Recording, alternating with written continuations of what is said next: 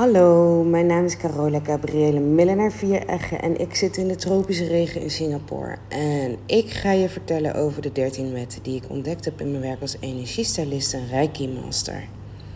Laat me vooral weten hoe je de podcast vindt. Je kent het, iets met duimpjes en vinkjes. Alvast dank. Energiewerk. De basics. Wet 3 van 13. Wat ons onderscheidt van alle andere lichtwezens is dat we een gemanifesteerd lichaam hebben waarmee we kunnen voelen en ervaren, waarmee we energie kunnen doorgeven en waarmee we creaties kunnen manifesteren. Je lichaam is de tempel van jouw ziel en van, van de spirit, de geest. En die zijn onsterfelijk. Je lichaam is sterfelijk.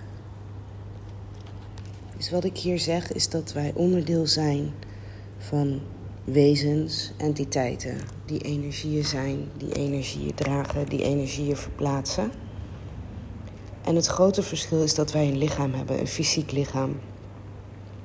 En dat fysieke lichaam is een wonder op zich. Dat weet iedereen wel inmiddels.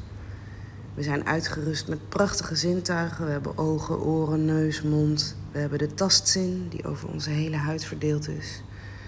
En deze zintuigen die zorgen ervoor dat wij letterlijk zintuigelijke ervaringen hebben. En daar kan je heel diep op ingaan. Dus als je alleen al kijkt naar de werking van het oor, hoe dat ervoor zorgt dat jij begrijpt via de woorden die ik spreek in deze podcast, dat je daar een wereld van creëren, kan creëren. Van de geluiden die tot je komen, dat is een wonder. Oké, dat was wet 3 uit de serie Energiewerk de Basics. Tot de volgende.